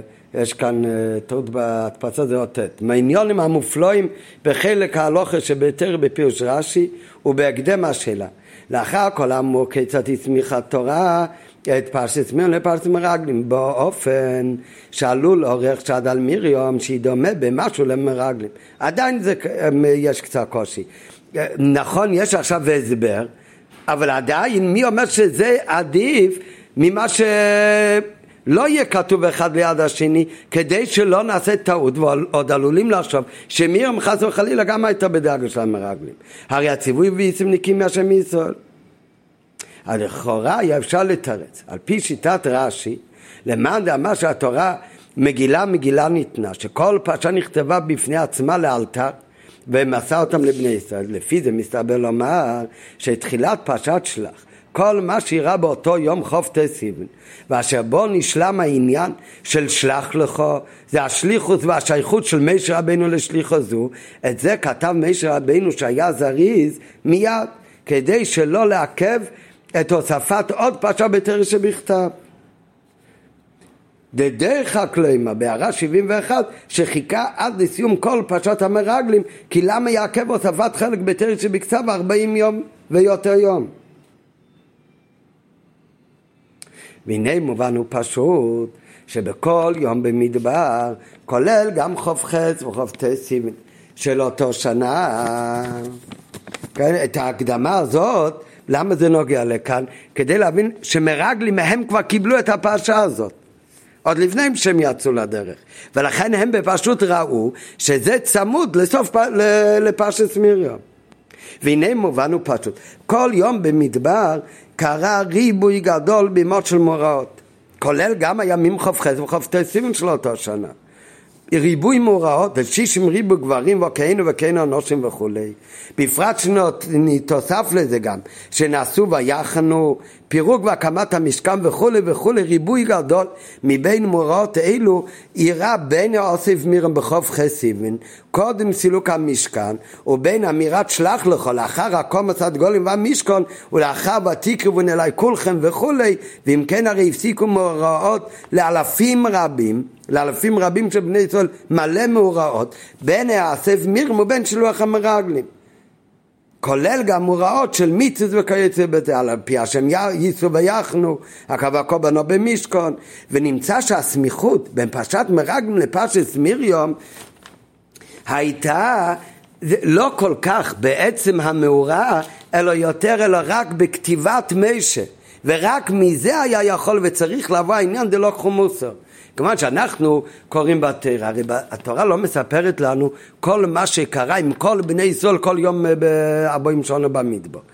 אלא דברים ספורים, לפעמים שנים שלמים שלא כתוב כלום, ועל יום אחד שכתוב ריבוי מאורות. אז כשאנחנו קוראים את זה בתורה, בוודאי אחד ליד השני, בפרט שזה מקרה יום אחרי יום. אבל אם אנחנו נחשוב על זה, שמדובר כאן על מיליוני מבני ישראל, שישים ריבי רק הגבורים לבד מנושים וטף. והם פירקו את המשכון ונעשו ובנו מחדש והקריבו קורבנות והגיעו למשה רבנו לבקש מרגל מכנס לארץ ישראל. אז ברצף הדברים שקורה עם ריבוי כזה של אנשים אז לאו דווקא שזה כזה סמיכות שברגע שזה קורה אז מיד נזכרים על מה שדיברה מרים אז לכן מה, מה היה החטא של המרגלים? שהם רוב ולא לקחו מוסר. איך, איך הם היו אמורים ללמוד מוסר? הם היו אמורים ללמוד מוסר לא כל כך מהמאורע הקודם שקרה, אלא מזה שהוא קרא סמוך, אלא יותר מזה שמשה רבנו כתב את זה בסמוך בתורה. אלא בכסיב את משה.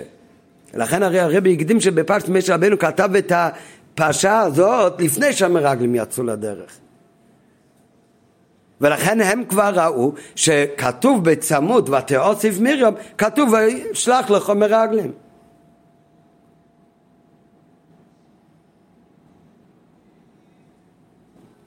ומכיוון שזה היה לימוד מוסר, הלימוד מוסר שם היה על ידי הסמיכות בפרשיות.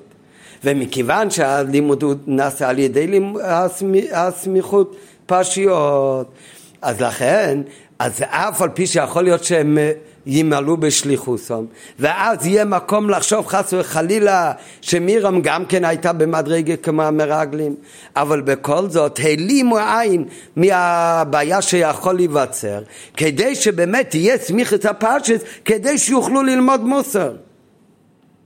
ולכן נדרש להעלים עין מכך שפרשה הזו נקבע במקום שנותן מקום לחשד כדי להזהיר ולשמור את המרגלים יחד. היו חייבים להצמיד את זה מלכתחילה כי זה היה הדרך כדי באמת שהם היו אמורים ללמוד את המוסר ושלא יחטאו.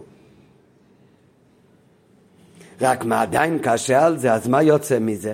שהתורה נותנת מקום לטעות ולחשוב חס וחלילה שמירם הייתה במדרגס המרגלים. על דרך המרגלים. ובכל זאת התורה לא אכפת לה, כדי שבאמת זה יהיה, כי זה חייב להיות כתוב צמוד, כי ככה המרגלים בשעת מייסי שזה נכתב היו אמורים ללמוד מזה מוסר. ולהיזהר באמת שלא יקרה מה שבפועל בסוף כן קרה. אז איך זה יכול להיות? הרי יש כלל שלא אומרים לאדם, חטא שיזכה חברך. כן, כאן זה לא עניין של חטא, אבל הכוונה זה למה, כמו, מה, מה התוכן, לא אומרים לבן אדם לעשות חטא כדי לזכות ולהציל את החבר אה, מעבירה.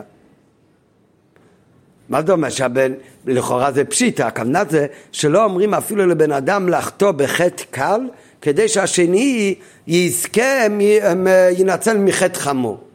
נראה בהמשך דוגמה לזה. אז זאת אומרת שבן אדם הוא לא אמור להפסיד בשביל טובתו הרוחנית של השני.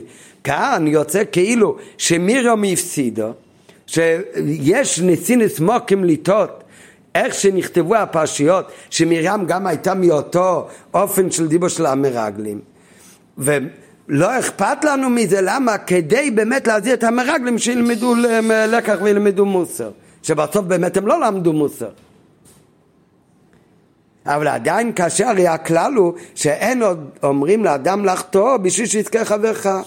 ואת זה מיישב רש"י בדיוק לשני, שאומר מרגלים האלה ראו ולא ילוקחו מוסר. ורש"י לא אומר רשעים הללו חטאו וכייצא בזה, או כדי לקמון. מה בזה, מה רש"י בא להגיד בזה? שזה לא רק שהם ראו וחטאו, אלא הם ראו ולא ילוקחו מוסר, מה הכוונה? אם הם היו רואים והיו לומדים מזה, אז הם היו אמורים לקחת מוסר, ואז הם הרי לא היו חוטאים.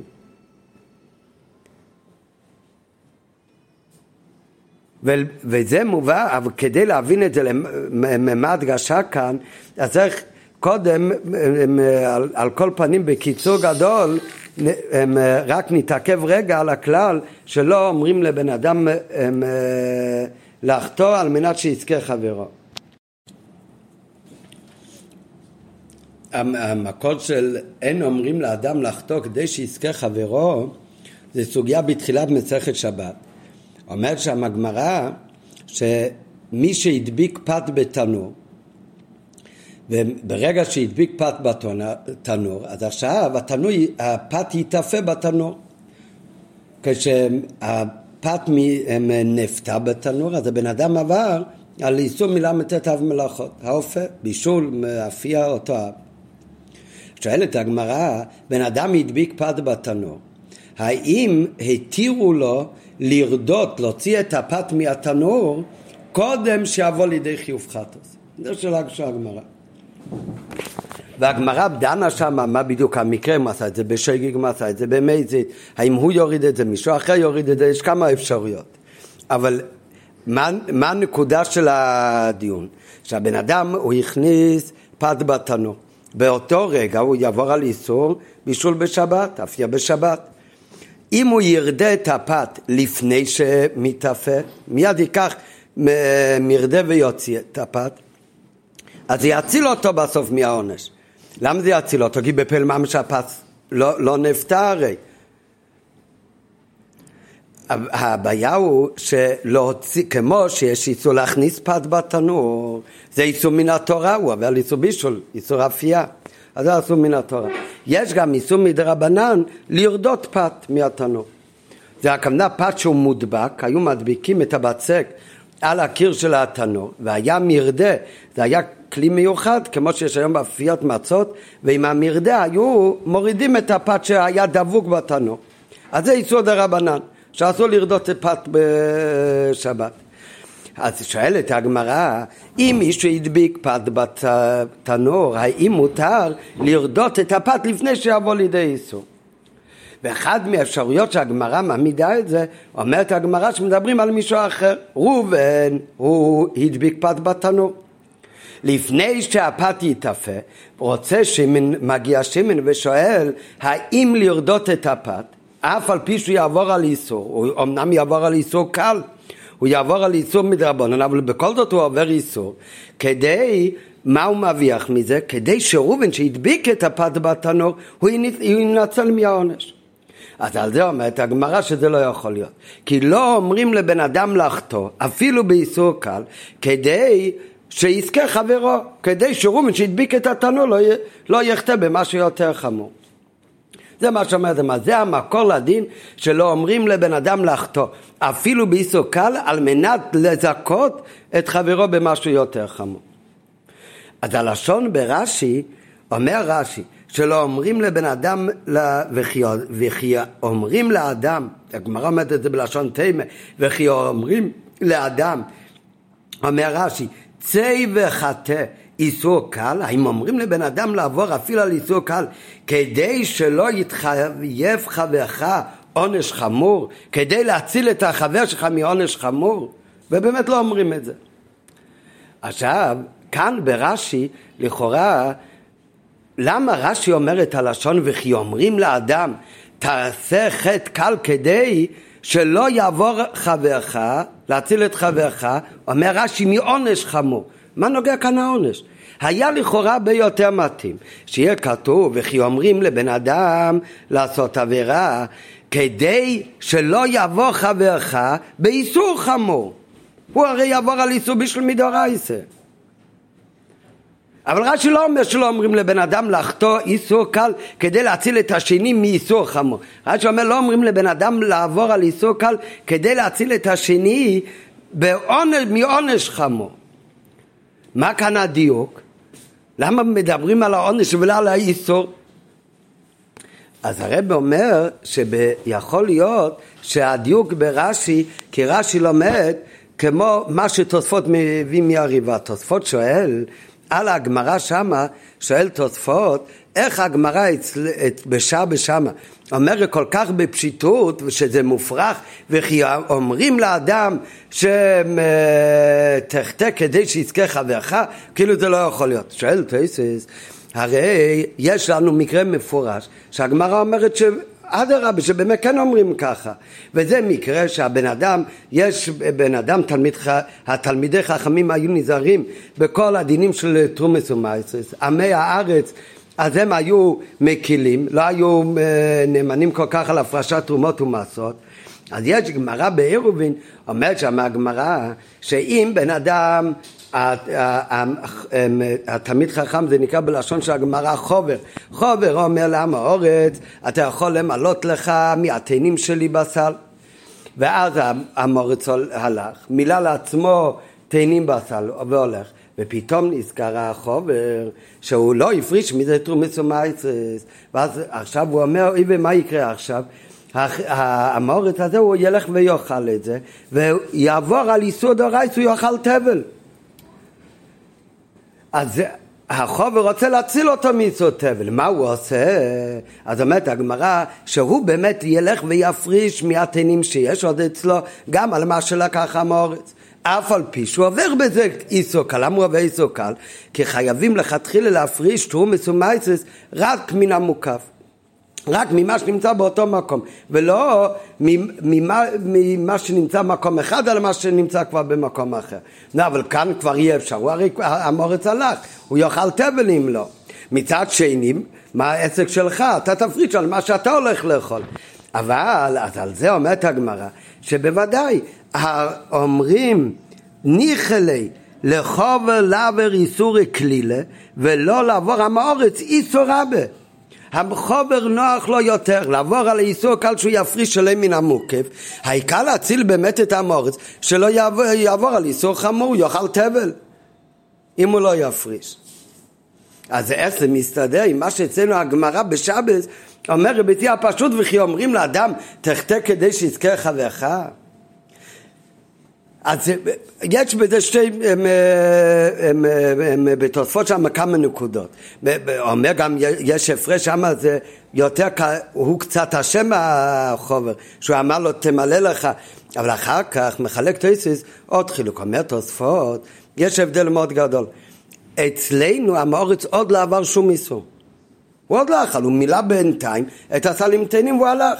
החוב הוא מפחד שהוא יכול להתחיל לאכול מזה בלי להפריש שום מסומייסס.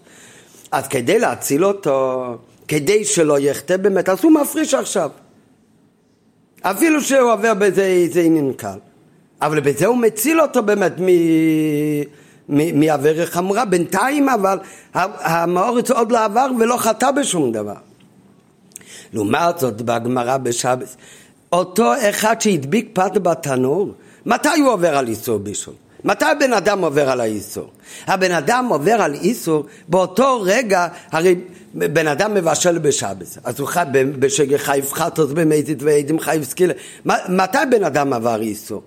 הבן אדם עבר איסור, מה כשזה יתבשל אה, כל כולי? בוודאי אם לא יתבשל, אז הוא לא עבר איסור בשביל. אבל איפה המעשה שלו שעל זה הוא נענש? איפה מה איסור שלו? מה איסור שלו זה לקחת את האסיר ולשים אותו על האש?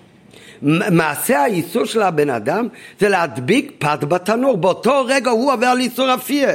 זה הרי אחר כך נעשה בדרך ממילא. כשאתה הולך עכשיו ואתה מוריד את הפת אז בזה אתה עכשיו מציל אותו, ממה אתה מציל אותו? שלא ייגמר האיסור. אבל הוא מבחינתו, ראובן כבר חטא בזה שהוא הדביק את הפס בתנו. הוא עבר איסור דרייסה כבר. הוא כבר עבר לאיסור. אתה עכשיו רוצה להוריד את הפת כדי למפריע לבטל כאילו את האיסור, או שלא ייענש כמו שנראה עוד רגע. אבל האיסור מצד ראובן הוא כבר הרי עשה אותו, כל כולו. אתה עכשיו רוצה ללכת ולהציל אותו ולהוריד. אז על זה עומדת אצלנו הגמרא בפשיטס, וכי אמרים לאודם, אתה תלך ותעשה אפילו איסו קל כדי לזכות חברך? אתה אפילו איסו קל לא עושים כדי להציל את השני מחמור יותר. אבל במה דברים אמורים? על כשאתה רוצה להציל את ראובן, שראובן מצידו כבר עבר על האיסו חמור. הוא את שלו כבר עשה. לעומת זאת החובר והמאורץ בעירובין. אז שמה בזה שהחובר ילך ויפריש אז בזה הוא יציל את המאורץ שמלכתחילה לא ייכשל בחטא הוא לכתחילה יאכל כשר. וכאן בשיחה הרבה אומר שזה יכול להיות הדיוק בלושן רש"י וכי אומרים לאדם תעבור על חטא קל שכדי לזכות חברך שלו יעבור בעונש חמור מה הכוונה בעונש חמור? כי אם מדובר שהשני לא יעבור איסור חמור, הכוונה, אתה, אם אתה יכול להציל אותו, שהוא לא יעבור על איסור, אז אתה באמת צריך לעבור על איסור קל גם בשביל זה. מתי אומרים שאל תחטא? זה רק כשהאיסור של השני הוא כבר עשה. ומה שאתה יכול להציל אותו עכשיו זה רק מהעונש החומר יותר.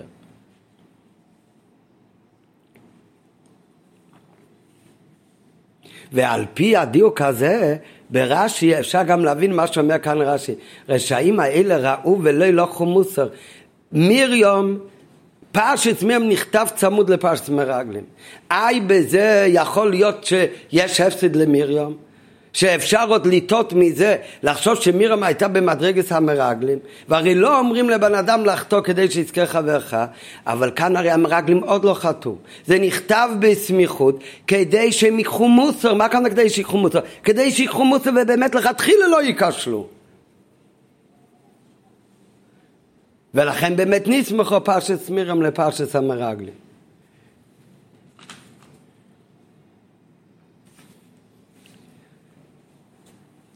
נראה עכשיו בפנים, בעוד י' על אין אומרים לו אדם כדי שיזכה חברך פירש רש"י בגמרא שלו יתחייב חברך עונש חומו ולא מובן. לכאורה היה רש"י צריך לומר שיזכה חברך שהחבר ינצל מלבוא על חטא חמור. למה כותב רש"י שלו יתחייב עונש חמור? נקודה כאן זה העונש. ויש לומר שכוונס רש"י זה כמו הדעה בטייסס שטייסס אומר שמה שאין אמרים זה דווקא כאשר המעשה של האיסור כבר נעשה כמו בפת. אבל כאשר נידון הוא הצלת חברו שמלכתחילה לא יבוא לידי חטא חומור כמו במקרה של המאורץ עם הפירות ועל דרך זה במרגלים כמו שנראה עכשיו אזי באמת אומרים לו שיבוא חטא קל כדי להציל את חברו מחטא חמור. ולכן הוא הדגיש רש"י שלא יתחייב עונש חמור. להדגיש שמה שאין אומרים בגמרא בשבת זאת אומרת שאמר רש"י הוא רק כאשר האיסור הוא כבר נעשה והכוונה של האיסור קל זה רק למנוע ממנו את העונש. על ידי שהוא יוציא את הפת ובפה לא יקבל עונש כי בפה זה לא יתאפה אבל הוא מצידו כבר עבר לו איסור ועל פי זה מובן מדוע היה כתוב יכול להציב את מירם במקום שת על ידי סמיכות הפשיות לפי שמפשת מיריום היו המרגלים אמורים ללמוד ולהישמר באמת שלא יחטאו לכתחילה. ואת זאת רמז רש"י בכתיבה ולא לקחו מוסר שכן התכליס ראו את מוסר הרי ושמעתם לשמור את האדם שלא יבוא לידי חטא ולהביא אותו לכתחילה לידי הנהגה ישרה